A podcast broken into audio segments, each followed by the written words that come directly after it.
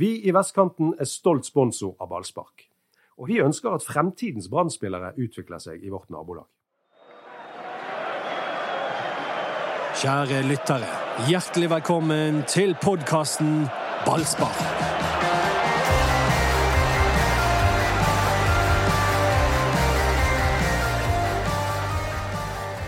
Brann har hatt spillefri, men det er action likevel. For det er overgangsvindu på vidt gap i Norge.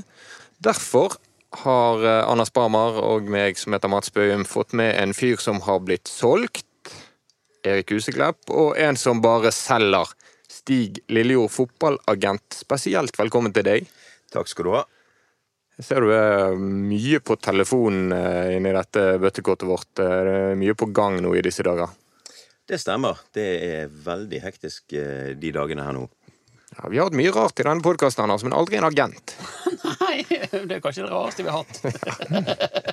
men, eh, men, eh, nei, men det, var, det, er jo nyttig. Det er å få inn en, en som kjenner det markedet og det som foregår, det spillet utenfor um, utenfor banen som foregår nå. Nå er det stille for Brann. De har vært og um, tusket rundt i skogen oppe i, oppe i bulken. og egentlig ikke så veldig mye å snakke om um, sånn konkret utenfor, utover, hva de presterer på trening, og, og, i hvert fall ikke i kamper. Så, um, så, er det jo nyttig å få inn et uh, menneske som har litt innsikt i akkurat det som er, som er det store som foregår i den, denne måneden. For det er jo sommervinduet i Norge. Det er um, Kort og intenst. Ja, det er kort og intenst.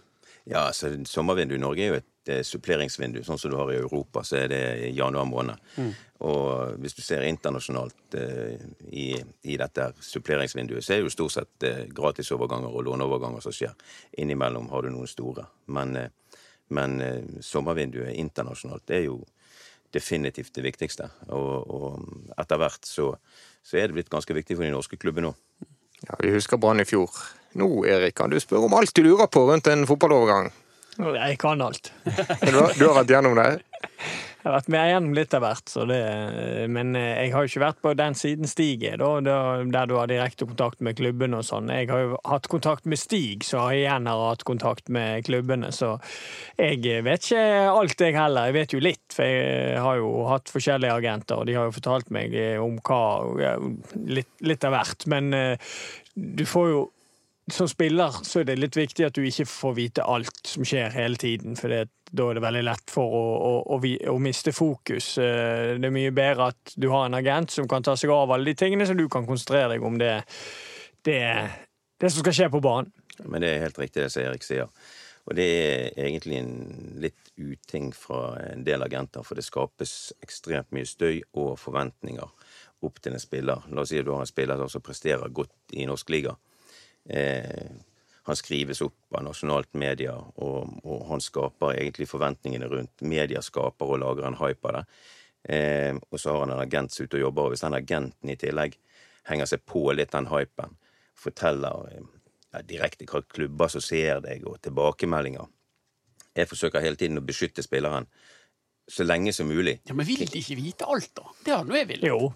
De vil, vil vite. Ja, men de vil vite. Ja. Men, men, men det er ikke smart å gjøre det.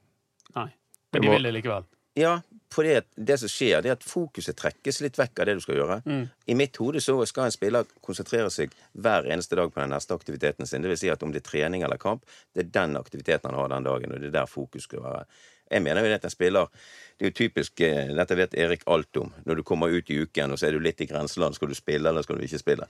Og så eh, begynner du når du kommer på torsdag-fredag, så begynner du å se hvilke vester du får på deg. Eh, er du på startelverlaget eller ikke på startelverlaget? Altså, spilleren bare holder fokus på den jobben han gjør. Altså, Han kan ikke gjøre noe med hva lag treneren tar ut. Det tar han ut uansett, det. Men så er det jo ofte sånn at uh, dere er jo selgere.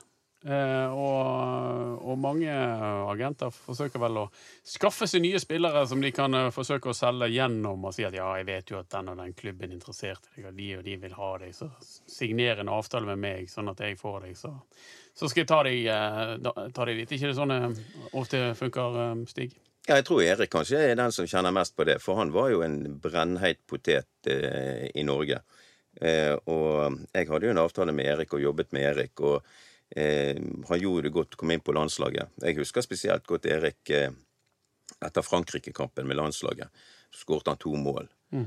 Eh, og det er ikke lett for Erik som spiller da, når han kommer ned på Bristol på hotellet, og det første som møter han, eh, det er forsidebilder av han på VG. Det er klart at det skjer noe i hodet på Erik også, i form av hvordan de tingene er. Og så kommer det da andre større agenter på. Eh, det er helt naturlig at han med de ambisjonene, og ikke minst de kvalitetene han hadde For vi var veldig nære ting, spesielt i Frankrike, med, med Erik. Men, men, det er helt naturlig. Kanskje Erik vil si noe om det sjøl, kanskje. Hvordan han følte det.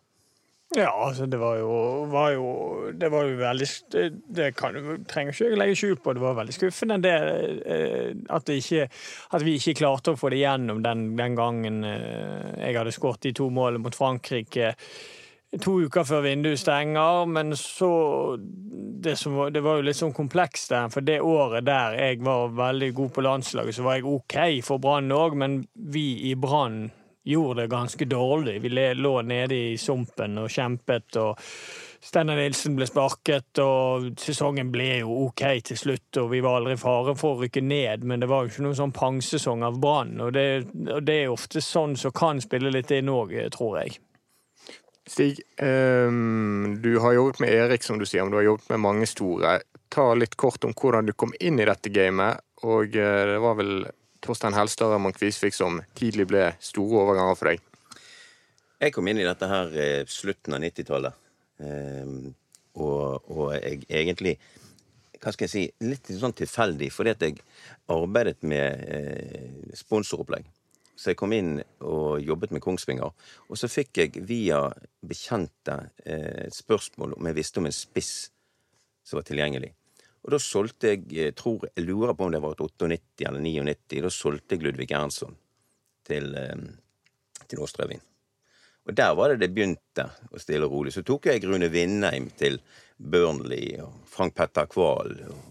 Det... det klassiske navnet i bergensfotball. Sånne overganger vi ikke ser mer. Frank Petter Kvahl. Ja. Nei, men så Fotball var jo helt annerledes på den tiden. Altså, vi sendte jo VHS-kassetter for å vise hvordan eh, spillerne så. Vi var jo heldige når vi begynte å sende DVD-er. Da tok det ikke så stor plass i posten. Ja. Hvordan skjer det der i dag, da?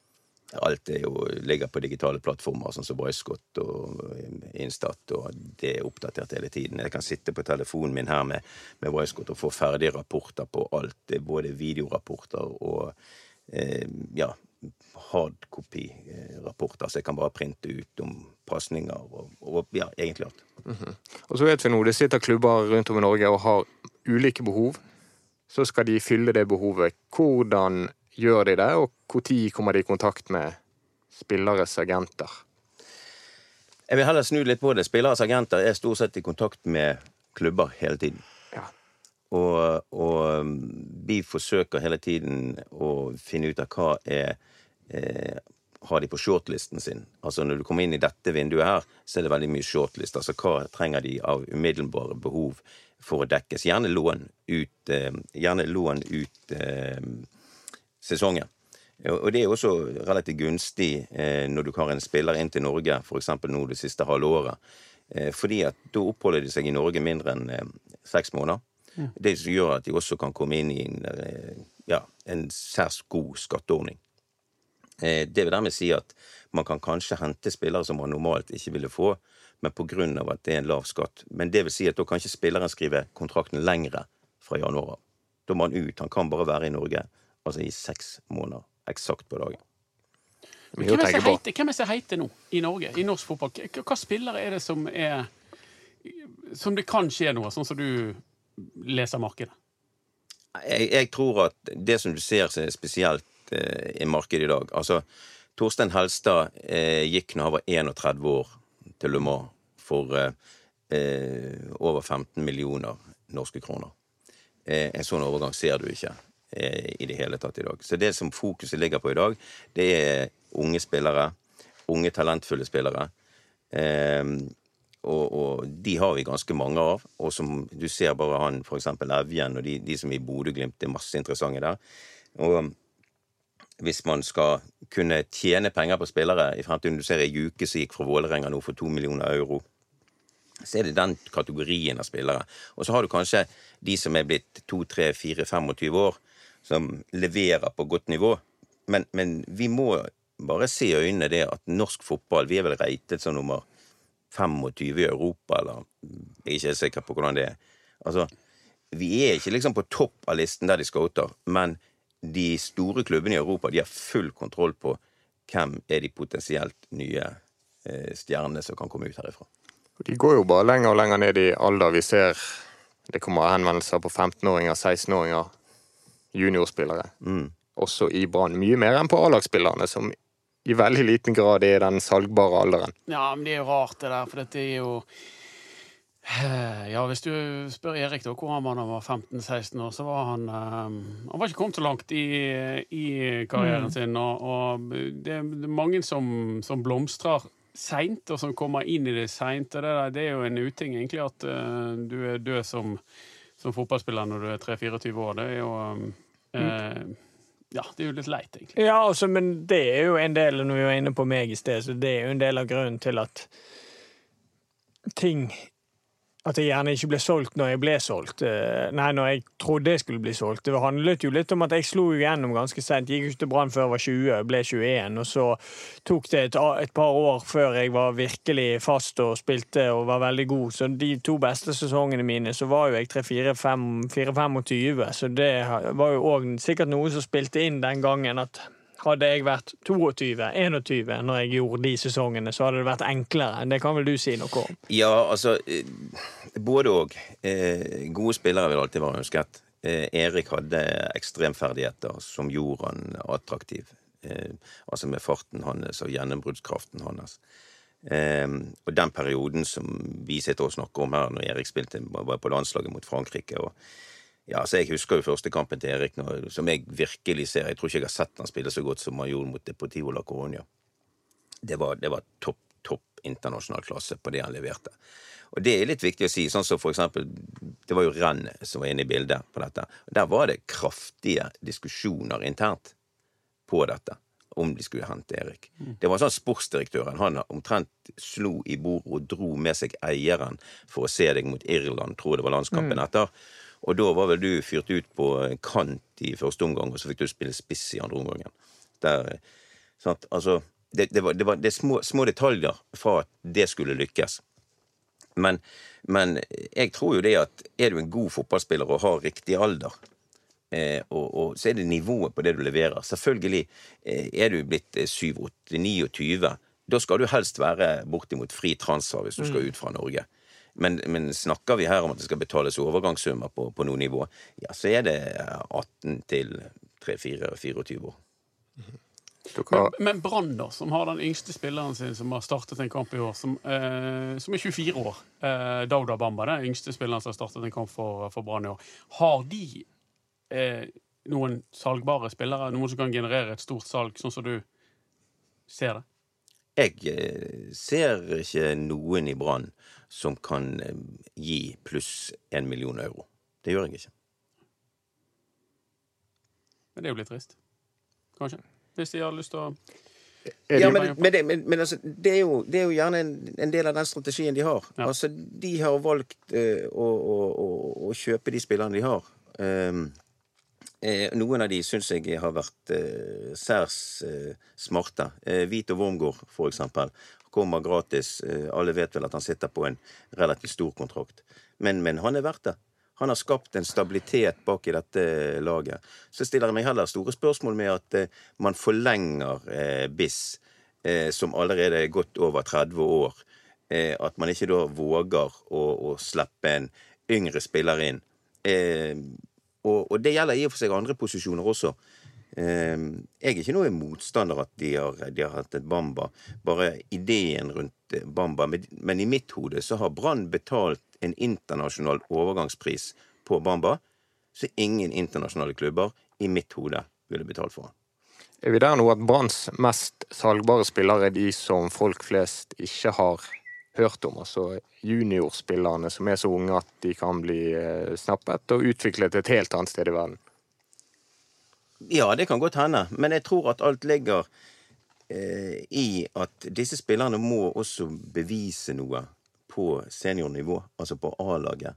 Jeg snakker ikke om at eh, de skal måtte spille fast på et A-lag, men, men det som jeg undrer meg på, det er at eh, altså Brann som et eh, ja, topp fire-lag, da, la oss si det, at ikke det er spillere på i en aldersgruppe 18-19 år som er god nok til å få regelmessige innhopp, få 20 minutter her, en halvtime der.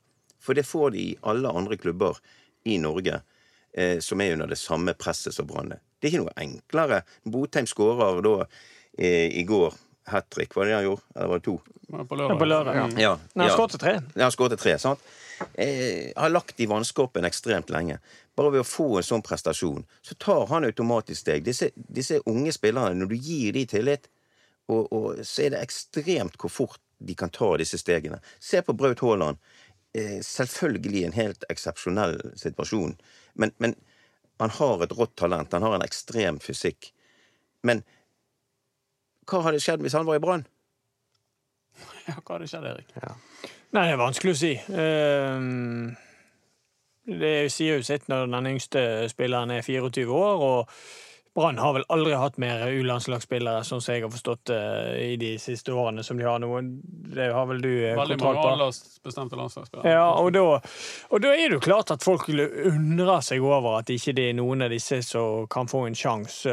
Og så sier de ja, de er ikke klar, men de er jo ikke klar før de får muligheten til å prøve om de er klar, da, tenker jo jeg. Altså, du er nødt til å gi dem noen sjanser. og um, Du ser jo bare på de største klubbene i Europa òg, som Liverpool eksempel, som har vært eh, en fantastisk klubb i de siste årene og gjort det kjempebra har jo spillere som har kommet gjennom akademiet i forhold til Trent Alexander Arnold og Joe Gomez og disse som spiller fast på et lag som vant Champions League i fjor, liksom. Så, så, så jeg, jeg skjønner jo ikke helt hvorfor du ikke kan gjøre begge deler. Nei, men da er det samme i United nå. Med Ole Gunnar som har tatt opp disse her eh, unge. Det er klart at Skal disse unge spillerne få vekst altså i prestasjonene sine, så må de ha bjellesauer ute på banen som hjelper de til å bli bedre. Og da må de øynene som gjør den vurderinga av de unge, da si det at ok, vi har kanskje ikke åtte spillere som blir eliteseriespillere, men kanskje vi har to. Og da må du velge det. Det, det er så kynisk, det.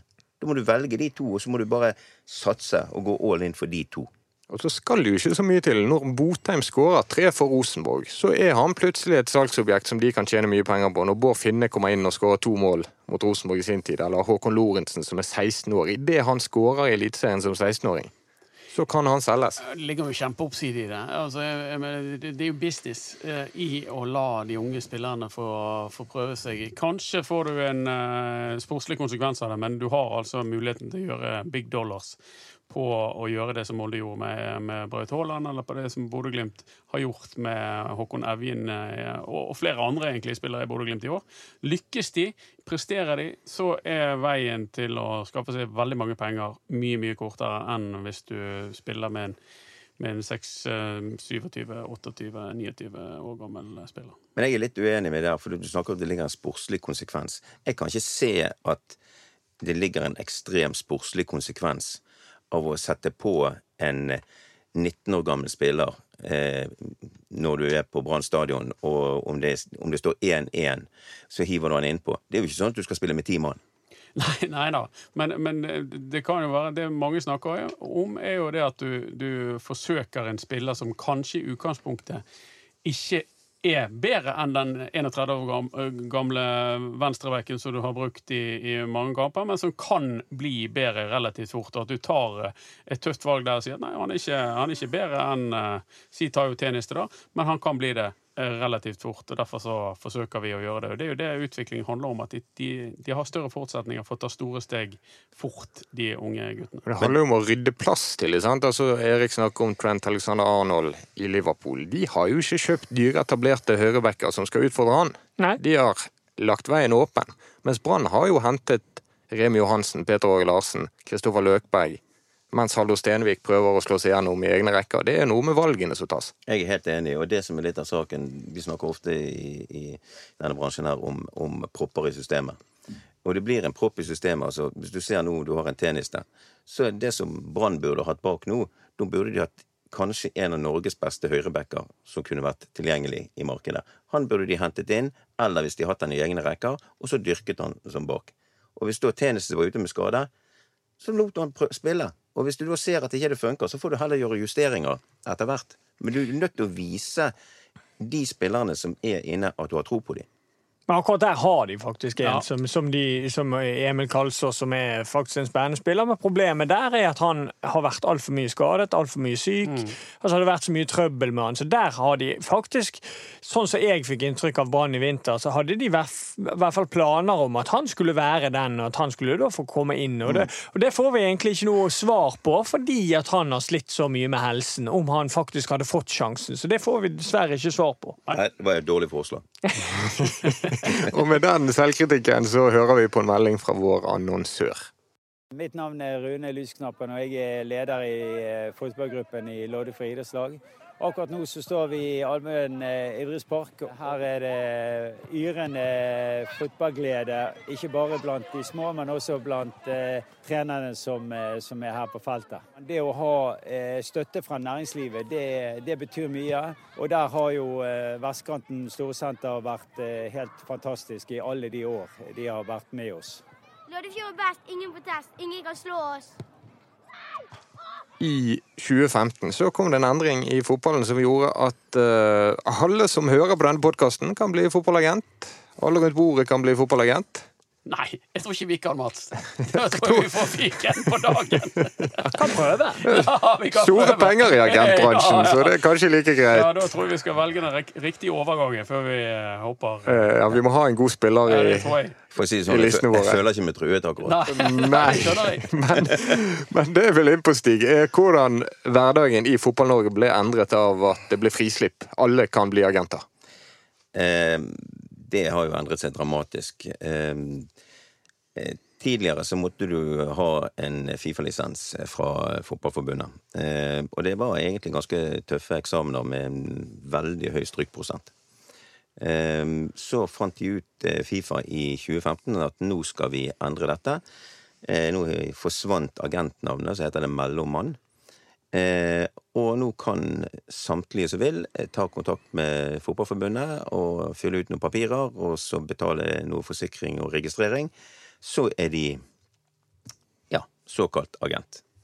Og det har jo medført eh, ganske dramatiske endringer. Ikke så mye for oss som er etablerte agenter, men eh, det har jo endret seg ekstremt for klubbene i Norge, for, som kunne forholde seg kanskje til en la oss si en fem, seks, syv eh, agenter som egentlig var eh, hovedaktøren i Norge, til at eh, du nå har Ja, det var vel oppe i bort oppunder 300 der. Nå er det vel sånn ca. 200 stykk som kaller seg mellommenn.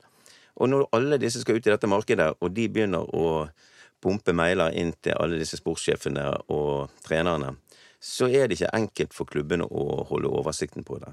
Men eh, det som jeg ser på som det er største og vanskeligste saken, er jo at det sitter veldig mye unge spillere rundt omkring. Eh, som blir kontaktet direkte av disse. Eh, de er gjerne under 18 år, de blir kontaktet på Messenger eller Instagram eller whatever av disse sosiale plattformene. Eh, og disse foreldrene de har ingen erfaring med dette. Sånn at eh, når de sitter der, og kanskje sønnen er på et eh, representasjonslag for Norge på 15- eller 16-årsalderen, så kommer guttungen hjem, og så sier han det at eh, du, jeg har blitt kontaktet av en agent. Det er klart at guttungen da blir jo litt sånn opphisen og syns at dette her er fantastisk bra. Og da er det ikke enkelt som en foreldre å sitte bak der og, og vite hvem er det som er en ordentlig agent, og hvem er det som har erfaringer. Og når disse gutta da, som er relativt nye i agentbransjen, løper rundt og forteller disse unge om hvor fantastisk han er, og eh, hva klubber han kan sende de til, og, og alt dette, så blir jo de gira. Så enkelt er det. Og, og det er et av de største utfordringene som jeg ser med dette frislippet. Fordi at eh, det er ikke plass til så mange i markedet, og det er eh, veldig uoversiktlig. Vi vet jo at klubbene blir nedrent av mailer og nedringt dag etter dag. Spesielt nå i vinduet, men ikke minst før vinduet og mellom vinduene. Rune Solfeldt i Brann får jo så mange henvendelser. Det er kaotisk for klubbene. Ja, men veldig gøy med de skrytevideoene. De har sett et par av uh, før i tiden. Og de sendte sånne skrytevideoer, spesielt fra litt sånn fjernere himmelstrøk, med, med sånn heismusikk på. Så dunk, dunk, dunk, dunk, dunk, dunk, og så banket de inn uh, mål på bestilling. Um, og da var det Det hendte jo at klubber eh, slo til på de der um, skrytevideoene og hentet eh, spillere basert på det. Men nå har jo de mye mye bedre verktøy, som, som Lillejord var inne på helt tidlig, der, at de, de ser de sjøl på hele kamper på, på nettet og har mye mer uh, oversikt. Men det er jo et vell av henvendelser. Jeg er sikker på at de får uh, 100 Jeg, jeg, jeg har en kanongod historie på det der. For um, dette er ganske lenge siden, da. Og så um, ble jeg kontaktet av en afrikansk agent som kom til meg. Og så um, hadde han så sendt meg noen eh, DVD-er. Jeg håper nå jeg har kommet til DVD-alderen, da. Og så um, ser jeg spilleren grisegod. Og så Han var på Zaire sitt landslag. Og han, ja, men Zaire gikk utrolig langt i dette African Nations. Han var svingod. Lang, tynn eh, spiller med stor fart, og han bare passerte alle. Og så eh, snakker jeg med han. Jo da, han kunne komme på prøvetrening til Norge. og Jeg organiserte det, og klubben i Norge de sørget for å ta han eh, inn og betalte flybilletter og hele opplegget. og Jeg reiste og traff spilleren, og så han første dag på trening og tenkte det der er ikke eh, all verden, det som han viser. Eh, og jeg tenkte det kan jo være på grunn av at han har reist og, og de tingene. Så neste dag på trening, i spillsekvensen, jeg tenkte hva i svarte er dette her for noe? Og jeg ringte ned til han afrikaneren, så sa han bare No, I sent my brother. Så um, der var det broren som fikk prøvetreningen Ja, istedenfor den Rosa andre. gjorde godt på en smell på det. Ja, det var et mysterium i Bergen i fjor når mannen med det klingende navnet Mohammed Mohammed landet på Flesland, ble hentet av Brann, trente og ble sendt hjem igjen samme kvelden. Ingen vet hva det var for noe. Jeg håper han fikk seg en dusj. Nei, jeg- de, nekter jo å gå i dybden på det, men jeg tror vi kan slå fast at Mohammed Mohammed ikke var så veldig god. Jeg tror, jeg tror ikke han leverte på Nymark heller. Nei, jeg tror ikke jeg. Har du vært borti noen sånne prøvespillere, Erik, der du har tenkt hva i all verden? Å ja. Jeg har jo signert noen av de. Nei, det er jo klart at han eh, Han Pavlov som var innom eh, Brann Jeg vet ikke om han var på prøvespill, men han eh, Han var ikke det mye futt i, for å si det sånn. Han ble jo signert. Ja, det er det jeg mener. Han, han jeg liksom tenker på først, liksom. Jeg tenker liksom ja, Hvordan han kunne bli signert. Det var, var litt rart, syns jeg. Det er nok en verden full av historier på dette eh, rundt omkring, og vi skal bare ha det litt i bakhodet at eh, det er ikke alle som lever like godt som vi gjør i Norge. Eh, og at dette her er billetten kanskje til et bedre liv. Eh, så eh, ja, det er vel konkludere med det. Men vi skal, skal- For å illustrere hvor vanskelig dette her er da, for klubbene, at det er så mange som ringer og sånne ting, og det, det har det alltid vært. Selv et før den der så var det, har det alltid vært veldig mye henvendelser. Så det går jo veldig mange sånne her eh, historier rundt om i Norge der, der klubber har sagt nei til spillere som senere har blitt superstjerner. Det er jo flere eh, eksempler på det eh, i, i Fotball-Norge, så det er ikke enkelt. Nei, altså er det denne bransjen også Det er mye tilfeldigheter. Eh, er det sånn at du plutselig leverer eh, svingodt i én eller to kamper, så får du et fokus på deg, og kanskje der og da så sitter det en klubb eh, i Europa eller et annet sted som sier tenker OK, han kan vi ta. Han passer perfekt inn. Så funker det gjerne ikke like godt når spilleren har vært på treninger i to uker etterpå. Så. Men vet du om noen gullcaser som da eksempel Brann har glippet på, som de kunne fått? Altså, alle kjenner etter hvert den jazzhistorien med Ja, en de ikke fikk maks ut av. Han var jo der. Han var der. Han var. Men uh, folk Brann kunne fått, altså du vet om. Jeg hadde en uh, case i fjor der jeg uh, ja, I løpet av årenes løp så har jeg bygd meg opp et, et eh, stort, tungt nettverk av Spesielt på, på sportsdirektørene i Tyskland. Og jeg eh, Når vi kommer på denne tiden av året, eh, så er det kanskje lurt altså i august måned å se på hvilke muligheter har de. Har de overskuddsspillere, altså nå mener jeg overskuddsspillere der de har for store tropper, der spillerne gjerne ikke er helt klar for å være der. Kanskje ambisjonene til det laget de er på, har gått noe opp, sånn at de trenger spilletid på eh, kanskje de som er nummer 18, 19 og 20 i troppen. Og der eh, i fjor så ble jeg tilbudt en, en eh, nigeriansk eh, landslagsspiller, U-landslagsspiller, eh, som hadde blitt kjøpt til, eh, til Wolfsburg for eh, over tre millioner euro. Han hadde vært inne på banen flere ganger på Bundesliga-laget til Wolfsburg i, i fjor. Og jeg forhørte meg blant annet til Brann, men også andre. Eh, og ingen av de klarte egentlig å få fingeren ut. De brukte ekstremt lang tid, alle klubbene, eh, på dette. Eh, og spilleren dro til Charlois i Belgia med en kjøpsopsjon på tre millioner euro. Og han eh, gikk jo nå til Lill for 15 millioner euro etter et år på lån. 15 millioner euro.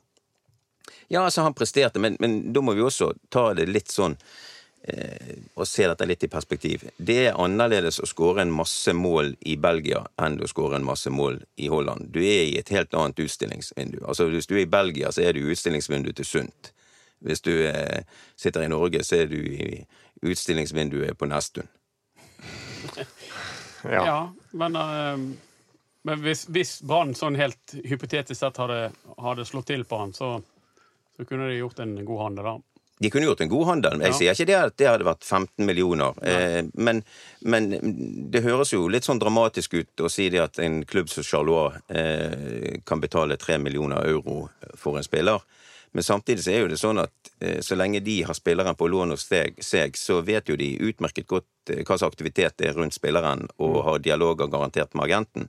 Så Charlois har jo garantert visst at det var stor interesse for han i Europa, og at de kunne selge han eh, for langt over de tre millionene som de kjøpte han for. Men solgte de ham med en gang, da.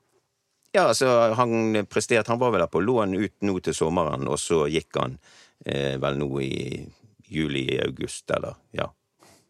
Og nå valgte de å kjøpe han, eh, og så solgte de han rett etterpå. Ja, selvfølgelig, og da var jo den nye kjøpsummen som finansierte de tre millionene. En god historie, i alle fall. Men hva syns du, Stig, om nivået på arbeidet som gjøres på spillermarkedet i norsk fotball? Eh, nå skal jeg eh, passe meg for å ikke være for bombastisk. Jeg eh, er jo litt sånn kontroversiell i uttalelsene mine. Eh, så Du er, er skikkelig Du er upopulær blant deler av Brann-fansen, du. Ja, men Du er- eh, frekk. Ja, men jeg er kanskje bare født sånn.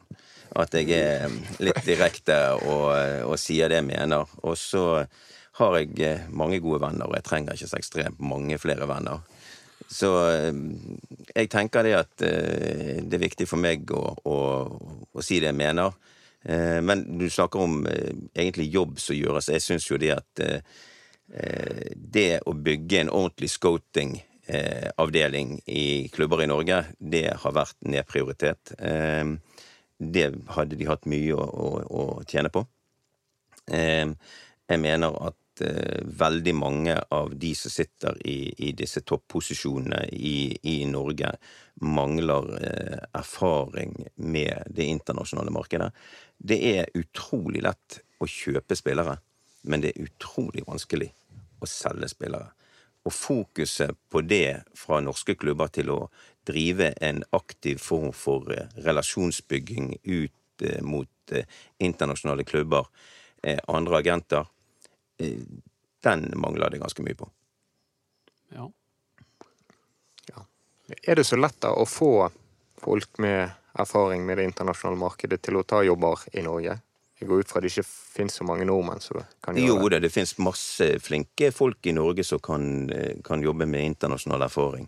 Eh, og, og du kan jo se nå Nå valgte Strømsgodset å hente Henrik Pedersen som trener.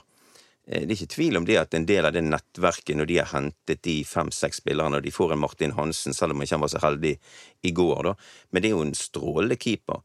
At de klarer å få han til Strømsgodset på en halvtårskontrakt nå, det er jo fordi at man har klart å skape noen som har et internasjonalt eh, nettverk. Så, så um, det er ikke noe problem å få fatt i folk, om det er norske eller danske eller svenske, som har og sitter i de posisjonene. Men la oss snakke litt om Brann, Erik. Hva um, Nå er det 17 dager, 18 dager igjen av um, overgangsvinduet. Bør de gjøre noe, og hva bør de gjøre? Altså, jeg er litt sånn todelt der, fordi at uh, jeg tenker at de ikke bør gjøre så veldig mye, uh, annet enn eh, Fordi at det har vært så mye gjennomtrekk i den stallen nå, det har vært så mange nye fjes inn. Eh, Jeg tror de har godt av å, å ha den eh, gruppen de har, og, og jobbe med den, for de har tross alt brukt såpass mye penger de siste årene. For meg mangler jo de en, en kantspiller. Eh, For meg mangler jo de en, en klar venstre kantspiller. Men problemet er at jeg ser ikke helt eh, Lars Arne tenker på kantspillere veldig annerledes enn det jeg gjør. Eh, så, så jeg vet ikke om de hadde fått veldig effekt av han. Jeg var inne på at jeg, jeg skulle ønske de hentet Amor Lajoni før sesongen. Men om han hadde vært like god i Brann som han er i Bodø-Glimt, det er jeg usikker på. For uh, spillestil til, Brann er så annerledes enn Bodø-Glimt sin. Og, og, og, å være kantspiller i Brann er ikke så veldig enkelt. og Du, du har enorme oppgaver um, defensivt, og du, og du har et system du må følge hele tiden. Og veldig mange spillere er, er best hvis de får litt frihet, i hvert fall i i siste tredjedel, og det tror jeg er ekstremt eh, avhengig at ah, Veldig mange spillere er avhengig av, av det for å vise sitt beste.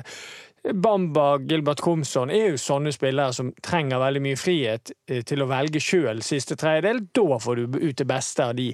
Derfor er det veldig vanskelig for meg å si hva de trenger, utenom det at jeg mener de trenger en, en venstrekant, og så bør de nå allerede begynne å sondere markedet for en erstatter for Vito Wongo. fordi han blir et enormt savn, og han, han blir ikke bare bare å erstatte. Men det må vi jo regne med at Brann gjør.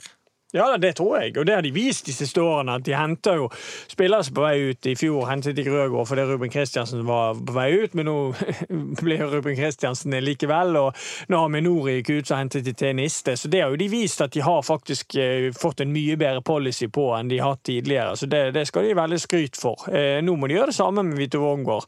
Problemet det er litt forskjell der, fordi at Vito Wormgård er så enormt viktig for det laget. og Det så du mot kampene mot Chamrock Shamrock Rovers. Eh, Så det blir en større utfordring å, å, å erstatte han, den store lederen i laget, enn en, en, en Ruben Kristiansen som var på vei ut i fjor, f.eks. Vi har jo snakket om i den rollen, Erik eh, Vi har i hvert fall nevnt han. Jakob eh, Glesnes. Vi, du, du har jo jobbet lenge med Jakob Glesnes, eh, Det, er- det er noe Er det noe aktiviteter? Nei, Jakob holder utelukkende fokuset sitt på Strømsgods, og det tror jeg han skal fortsette med i den situasjonen som Strømsgods er. Men, eh, men at Jakob er en spiller som har eh, flere øyne rettet på seg, det er jo helt naturlig i form av de prestasjonene. Selv om eh, egentlig Strømsgodset har eh, vært eh, vært dårlig. Ja, de har vært ræva dårlig. Ja. Men Jakob har egentlig kommet ut av det på en bra måte. Eh, og nå når de har fått ny trener inn, og, og ja, de spiller litt annerledes. Eh, men altså, det er flere henvendelser på Jakob som, som spiller. Men jeg tror at det som er viktig for en klubb, det er når du har en så avklart situasjon som for eksempel Brann har med, med, med Vårgård. Det er at da må de være tidlig ute. Det er ingenting i veien for at Brann kunne hente og skrive med en spiller, selv om spilleren har kontrakt, og kjøpe den spilleren i dag, som bare de vet at han kommer. Det er jo ikke sånn at prisen går opp. Det kan jo hende det at de havner i en situasjon der de får en betydelig tøffere konkurransesituasjon rundt spilleren ved at de venter på en situasjon. Så, så, så det er mye strategi i dette. Hvis Brann er klar på hvem er det de ønsker som skal være erstatteren til Wormgård, så bør de i mitt hode bare gå inn og gjøre en avtale med eventuelt klubben hvis han er under kontrakt, og spilleren hvis han ønsker det. Sånn at disse situasjonene blir avklart så tidlig som mulig. Det er jo ikke så mange midtstoppere Mats, som eh, sviver rundt i markedet, i, i hvert fall i det norske markedet. Vi har jo um, Hva andre kandidater finnes det til å overta etter Wormgård? Nei, vi har jo prøvd å kartlegge det, og Brann eh, har jo vært veldig på Bossmann-spillerkjøret de siste årene. Det er nesten ingen i Eliteserien som peker seg ut. Men én i første divisjon. En i første divisjonen. Damon Lowe i Start. Ja, han er Men- meget god. Han er det mange som ønsker. Men, men der igjen, sant? her må, må Brann være forsiktig og, så være, og tenke riktig her. Fordi at jeg vet, jeg kjenner veldig godt til, til Damien Love. Og, for meg, i mitt hode, så blir han en erstatter til Bismar Acosta, Mm, ikke til Vito Wormgård. For, og, og samme Fredrik Pallesen Knutsen var nevnt. eh, En bra spiller og er god på det han er god på. Han er òg en mer enn erstatter for Bismar Acosta, en ryddegutt, eh, for å si det sånn. Eh, Jakob Glesnes passer mye mer til den Vito Wormgård-sammenligningen, fordi han er en leder, han er kaptein i Strømsgodset, han er god med ball, han er flink til å ta ball med seg oppover. Eh, Så, så det er veldig viktig at Brann henter riktig type midtstopper Ja, til han, han er jo å kaptein på et lag som lekker, som ligger sist i Eliteserien. Ja, men eh, Ja, det, det vil alltid være en skepsis da, selvfølgelig. Men så må du da gå inn og se. Da må jo Brann gå inn og se. Er det, Jakob Glesnes som er grunnen til at de lekker, eller, eller er det rett og slett fordi at laget ikke har hengt sammen på to-tre år? Ja, sant? Wormgård kom jo fra Ålesund, så det er jo Ja. ikke matematikk fortsatt, dette. Nei, de lakk jo ikke, de. Nei, Etter at han kom. det som jeg kan si, som jeg er helt enig med Erik Altså, eh, gjelder Damien Love. Altså, jeg har sett masse på Damien Love i det siste. Og han har Altså, hvis han konsentrerer seg om å være forsvarsspiller, og ikke tror at han skal være noe annet, så har han et vanvittig stort potensial. Men han gjør utrolig mye rart i hver eneste kamp. Eh, Det er å lobbe inn i egen 16-meter og helspark og eh, det ting. Men når du ser fysikken hans, farten hans Så hvis han hadde blitt skolert til å konsentrere seg om det han er god på, så kan han bli ekstremt god. Eh, Og når det gjelder sånn som Jakob, uten å linke det opp med noe branngreier, men Jakob har altså det lederemnet som en klubb trenger. Det er ikke så ekstremt mange ledere og sterke ledere, sånn som jeg ser det fra utsiden av på Brann. Gruppen er ikke eh, Altså, det er ikke mange tunge ledere i den gruppen. Det er Fito. Nei, det er bra nå. Ja. En ledertype Håkon, i kanskje? eh, Horsen som også har blitt midtstopper. Ja, opp, ja, ja, men, men, men, men Håkon, Opp, Håkon Oppdal er vel en type leder, vil jeg si. Jo da, men eh, han er keeper. Det er begrenset hvor mye de Men du nevnte Sivert Haltne Nilsen i Horsens blitt stoppa, Mats. Men eh, det er vel kanskje ikke helt innenfor å ta han til banen, Erik. Vi har vel ikke egentlig lov å snakke om han i podkasten? Nei, Nei, bare når. Dodo ikke er her. Ja, går det. Jeg velger å ikke si noe, for vi har ikke lov å snakke om Nei, vi har ikke lov å snakke om. Så Sånn er det. Gjelder det meg òg? Nei, du, får du kan få lov å snakke om han. Men uh, vi andre vi har ikke lov å snakke om han. Nei, men det er greit. Du òg avstår. Ja. Hvordan hvordan er en arbeidsdag for deg når det koker som mest i overgangsvinduet, og eh, vi har snakket om at telefonen går varm på alle klubbkontor? Um, jo, det er relativt uh, mye som skjer, og ofte er det sånn at én telefon genererer to og tre nye telefoner. Og når det nærmer seg uh, deadline, så kan det være ekstremt travelt. Men som jeg sa innledningsvis, veldig mye av hvis vi ser de større tingene som skjer, snakker vi internasjonale klubber, som, så er det, er det saker som man gjerne har holdt på med i lang tid.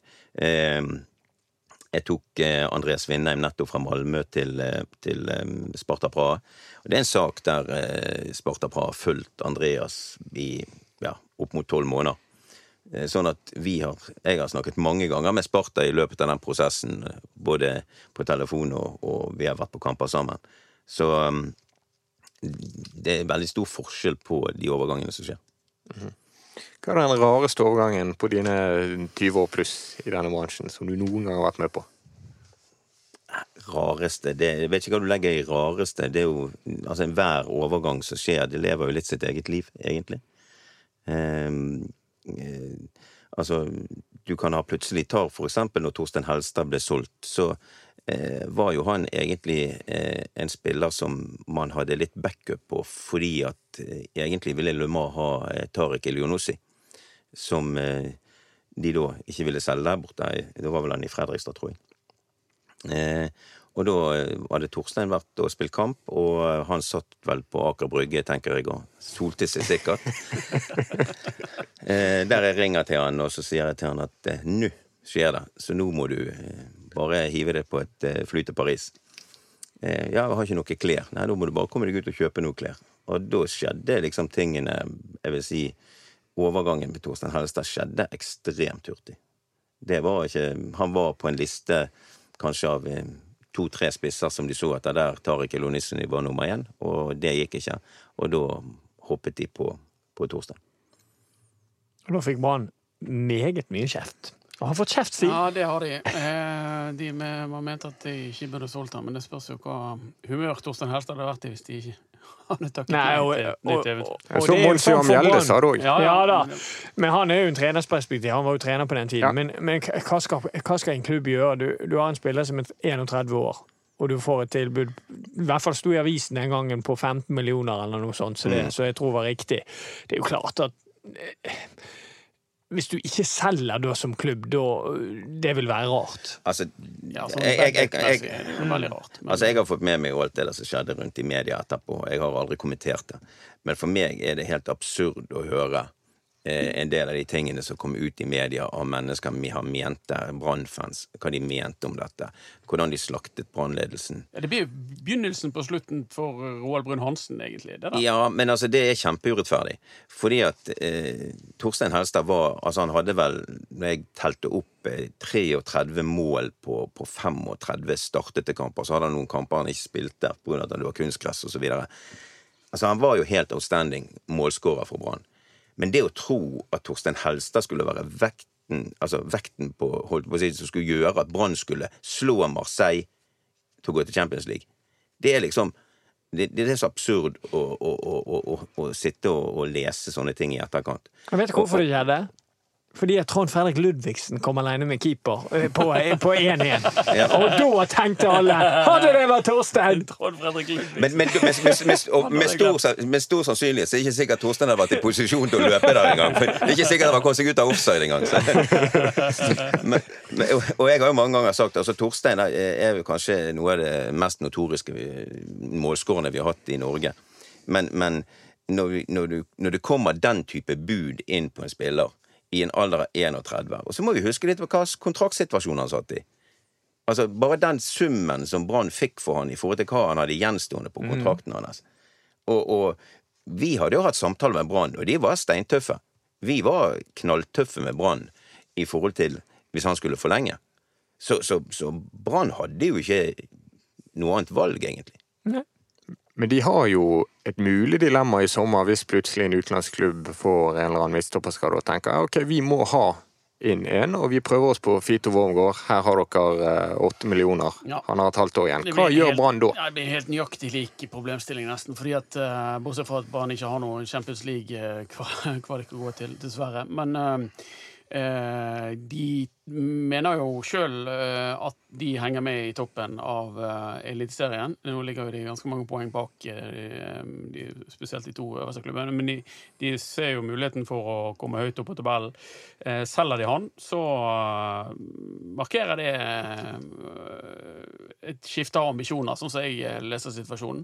Eh, samtidig så er det jo Skal du få null kroner igjen for Fito Wormgård, eller skal du få en pen slump nå i løpet av de siste 17 dagene av vinduene? Så Og skal du få null kroner og en litt muggen Fito Wormgård det Ja, siste halvåret? Det, Det er noe også der òg. Det kan du òg få. Hvis det dukker opp noe ordentlig, så, så blir nok ikke han eh, blid og, og føler at han har tjent Brann lojalt. og og så videre. Så det, det, det er en kjempeavveining for, for Brann. Så- Ja, og så er det økonomien inni det òg. Ja, ja. Hvor mye får man for en bronsemedalje i Eliteserien, f.eks., kontra en eh, fem, fjerde, femte, sjetteplass? Mm. uten eh, for, for det er jo ingen tvil om det at hvis Brann skal ta medalje i år, så er jo sjansene ti ganger større hvis Wormgård er der, enn hvis han ikke er der. Ja, Altså, jeg mener jo det at eh, For det første så tror jeg for Vitos del han kommer til å være så proff at han kommer aldri noensinne til å lage noen bølger om han ikke får gå eh, nå. Mest sannsynlig så vil en overgang for Vito være det at han på et eller annet tidspunkt skriver fra den første i første med en klubb, og så kommer eventuelt den klubben, hvis de vil hente han, så kommer de til å forsøke å få han ut fra Brann.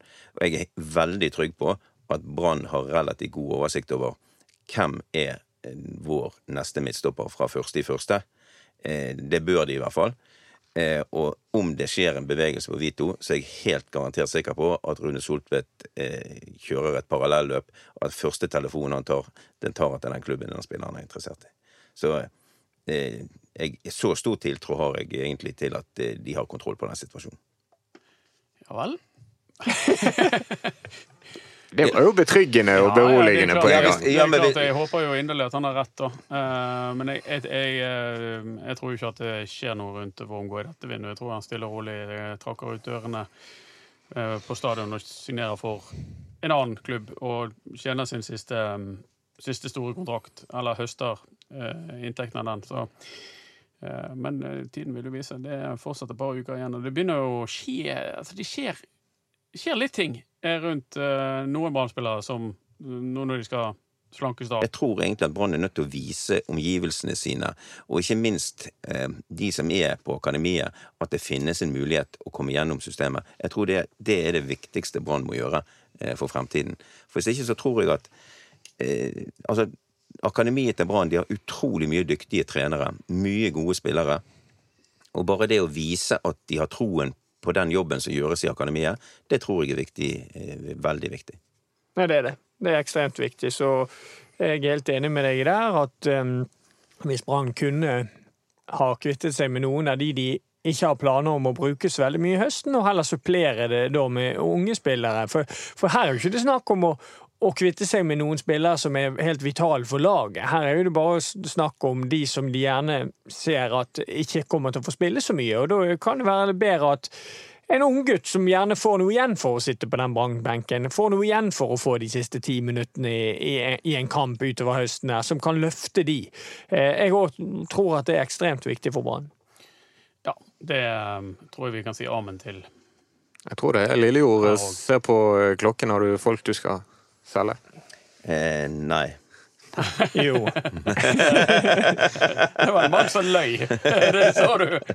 Det er, jo, det er jo nok av folk som mener at eh, agenter eh, er helt unødvendig i fotball. Men det er kanskje litt som å selge huset uten megler, Anders. Ja, det går fint, det. Det går fint Anders, huset uten megler, men det er et slit, og det er ikke sikkert du får like god pris. Jeg tror at, en, eh, jeg tror at fotball klarer seg uten veldig mange agenter, men jeg tror at jeg tror at hvis du eh, Det å ha, være en fotballspiller og ha en seriøs og, eh, agent med et bra kontaktnett og god erfaring med seg, det tror jeg er veldig viktig. Jeg kan jo si litt om det òg, for jeg har jo um, gjort litt, litt av hvert. Um, det er klart at hvis du gjør det veldig bra, og det stormer veldig mye rundt deg, så er det veldig, veldig greit å ha en agent. Jeg, etter Stig så valgte jeg å kjøre litt uten agent, eh, der jeg drev og ga litt eh, hva er det, mandater mandater, ja. på, til ulike klubber, og det var et veldig, veldig slit, fordi at eh, jeg ble ringt ned. og de i og med at jeg spilte på landslaget òg, så var det ikke bare norske agenter som ringte til meg. Det var, fransk, altså, det var folk fra Frankrike, England altså, det, var, det var overalt. Og det var Det skal du Du skal være litt Du skal være ganske tøff i hodet for å på en måte håndtere det hele tiden, samtidig som du skal prestere på fotballbanen. Så, så hvis du gjør det veldig bra, så er det veldig fordel å ha en agent som du vet kan jobbe for deg. Det som, er, det som jeg tror jeg er litt sånn misforstått rundt omkring, det er jo det at eh, Og nå skal jeg snakke fra mitt eget vedkommende. Det er jo det at når jeg jobber for spillere, så jobber jeg for spillere. Jeg jobber ikke for klubbene. Min oppgave er å ivareta spillerne. Eh, og da er det gjerne litt sånn som vi har snakket om i Bergen, at eh, jeg har vært upopulær eller andre ting. Men min oppgave er jo ikke det å være nice med Brann. I utgangspunktet så er Brann helt super. Vi har et godt forhold. Jeg snakker masse med Rune Soltvedt. Men det er jo klart at når vi diskuterer kontrakter eller andre ting, da kan jo det smelle. Selvfølgelig. For jeg skal ivareta spilleren min. Og jeg bruker jo de mekanismene som er mulig i markedet, eh, i form av eh, i forhold til verdisetningen av han, eller diskusjoner. Men, men dette, er jo, dette er jo helt normalt. Men det som er litt verre, det er jo det at hvis du har agenter som egentlig jobber like mye for klubbene som du jobber for spillerne, da har vi en problemstilling. Og da blir det vanskelig for spillerne. Og det er veldig mange agenter som jobber sånn. Ja, men det, er- men det er jo noen agenter som jobber for alle, alle parter. Ja, men faktisk, det, sånn som for eksempel i England, så er jo det lov. Så lenge det er godkjent av eh, alle parter eh, rundt en forhandling. Eh, og og så, så er ikke det noe problem. Men det er jo i England. Ja. Litt større problem her Mm. på berget. Men det har vel vært eksempler her òg på agenter som har representert flere enn bare en spiller. Men jeg føler, når du er her, for det er en ting jeg har tenkt på mye, og det skjønner jeg egentlig ikke hvorfor ikke er lov i Norge. Hadde ikke vært mye enklere for klubber, for spillere, for agenter, hvis en i forhold til kontraktsforhandlinger, at det var lov å sitte en Jeg signerer ny kontrakt med, med deg, med denne klubben, hvis jeg får lov å gå hvis noen byr ti millioner for meg. Helt, Ja. helt, helt enig med deg, Erik. Eh, og, og dette har jo egentlig Jeg vet at NISO har eh, jobbet med det. Og eh, det var vel helt tilbake igjen fra den tiden når Tor André Flo var her. Da det var snakk om eh, hvor mye andeler han skulle ha, overgangssum osv. Eh, men i hvert fall når det kommer til disse klausulene, så er jeg helt enig. For det første så blir det et nytt moment som blir tatt med inn i forhandlingene, som gjør faktisk kanskje at lønnspresset vil gå noe ned, der man kan si at jo, du skal gjerne få gå for én million euro, du, men da får ikke du så mye lønn. Men hvis vi tar vekk den der klausulen, så kan du få mye mer i lønn. Og da har du plutselig et nytt moment i forhandlingene som gjør faktisk det at du kan at lønnsveksten på de beste spillerne. For det er ekstremt vanskelig. Hvis du tar de største profilene i ligaene, når de nærmer seg kontraktslutt, så er det klart at der har agentene vært ute. Der er det klubber i Sverige som har gunstige, gunstige skatteordninger. Danmark som har gunstige skatteordninger. Eh, og bare det at en spiller får lik lønn i Danmark som i Norge, altså hvis du ser danske kroner og norske kroner, så har de 30% mer der. Men når da skatten i Danmark er på 25 i tillegg, så blir den avstanden så stor. Og da, for å forhindre dette, og hvis spilleren har ambisjoner om å spille utenom Skandinavia, der det er mulighet for å, å betale større overgangssummer, så kan man bare si at ok, du skal få dette. Hvis du forlenger her, så skal du få lov å gå fra oss her. Du får sånn og sånn i sign-on, du får dette i lønn. Men skal du ha den klausulen der, så får du ikke det samme. Men det er jo helt vanlig eksempel i Spania. Dette. Ja, men det- det er vanlig- det er vanlig- det er vanlig- det er vanlig- det er vanlig overalt. Det burde jo vært er her også. Det er vanlig overalt. Eh, jeg er ikke sikker hvilket land som er nå, men Jeg lurer på om det er Norge, Island Nei, Jeg er ikke sikker på hvilket land men, men i hvert fall her i Norge så har vi forbud mot å, eh, få, å legge den type klausuler inn. Er vi blitt litt eh, klokere? Ja, Jeg har lært litt nå i dag. ja det, er, jo- det er jo um, kanskje et lite innblikk i hvert fall for, for folk eh, rundt det som foregår i disse dager, når det selges og kjøpes eh, spillere over, eh, over hele landet. Det, jo, det kan jo være avgjørende for hvordan dette går med Eliteserien. Eh, regner med Rosenborg skal styrke seg, eh, Stig, før, før de skal ut i det som sannsynligvis blir et sluttspill i Europa. Ja, altså jeg tar det nesten for gitt. Eh, Nå skal jo Rosenborg først spille, men det er klart at de kommer til å forsterke seg helt sikkert i, i flere posisjoner. Molde har jo allerede gått inn og hentet han unge Tobias Christensen, og de jobber med noen andre ting der. Eh, Så naturligvis, de kommer til å få mye penger på bok. Eh, En annen ting som er et moment som er ekstremt viktig for klubbene når du nærmer deg en deadline, det er at du har kommet ganske langt ut i sesongen. Overgangsvinduet stenger den 31. i tredje. Eh, og det er når du kommer ut i september og oktober, da begynner du å få slitasje på spillerne. Da kommer karantenene på spillere. Veldig ofte så blir avgjøres ligaen. Hvem er det som har de beste, som er nummer 12, 13, og 14 og 15 i staden? Ikke nødvendigvis hvem som har den beste startelveren, fordi at du må bruke kanskje store deler av de spillerne som egentlig kanskje ikke har spilt så mye. Og der ligger jo Brann godt an, for de har jo en ganske jevn stall. I hvert foreløpig, før de begynner å selge. Ja, men vi skal selge ganske mange hvis de ikke skal altså, De har ganske ja, god bredde. Ja, jeg kan ikke, jeg, når vi snakker om dette her med Jeg tror det er sunt, som jeg sier. Få ut et par av disse spillerne, løfte opp noen unge. Utover det så ser jeg ikke at eh, Erik snakker om en, en kant. Kanskje, men jeg, jeg Nei, men jeg snakker jo ikke om en kant for Brann sin del. Altså, I, I mitt hode Ja. ville jeg hentet Ja. en kant, men Ja. ikke sånn som de spiller. Nei, altså, jeg syns, jeg syns Brann har veldig god dekning i troppen sin generelt. Eh, da tenker jeg mer heller på å løfte ut noen som de har, og så heller løfte opp noen unge. Og se om de er noen kamper med riktig kampbilde, eh, der du kan slippe de inn og, og egentlig tenke litt på hvordan tingene skal være neste år. Ja. Strålende. Vi takker så mye, Stig, for at du hadde tid til å eh, snakke litt. Veldig hyggelig. Og takk som vanlig til Erik og Anders. Jeg heter Mats Baum. Du kan følge oss på Facebook Ballspark og Instagram BT Ballspark. Så høres vi igjen når eh, Brann har spilt kamp og ikke bare vært på blåtur. Helt ferdig var vi likevel ikke, for eh, vi måtte gå og spørre Branns eh, sportssjef Rune Soltvedt om spilleren Stig Lillejord nevnte, som ble spilt inn for Brann. Han heter Viktor Osimmen, og dette er Rune Soltvedts eh, svar om saken. Det er vel sånn i denne bransjen at uh, det finnes mange sånne uh, historier da, uh, rundt omkring, og der en kan komme i ettertid og si at hadde bare folk gjort sånn og sånn og sånn, og så får ikke du høre mest sannsynlig alle de historiene som ikke har slått til, for å si det sånn. Og jeg, jeg kjenner ikke denne her, men jeg, jeg tror nok at sånne ting da skjer i fotballen. Og det, det som var i fjor, det var denne utenlandsproblematikken vår. Så vi så jo etter norske spillere, og da tror jeg òg gjør at igjen presiserer det at jeg kjenner ikke denne saken her sånn, jeg husker ikke den da. Men at uh, vi valgte jo vekk og var veldig på å finne norske spillere. Da. Så det òg hadde jo si påvirkning, da. Ja, nei, ellers så vet ikke hva jeg skal si. Det er jo, det er jo sånn det er, og er på en måte avslappa. Og så vet en aldri om en spiller slett er en annen plass, og det ikke sikkert han hadde slått det her. Altså, det er så mange variabler. og jeg det, det, er så ofte sånne historier du får høre at når noen har gjort noe og noen har slått til. Jeg står med den, jeg, at da er det veldig lett å fronte det.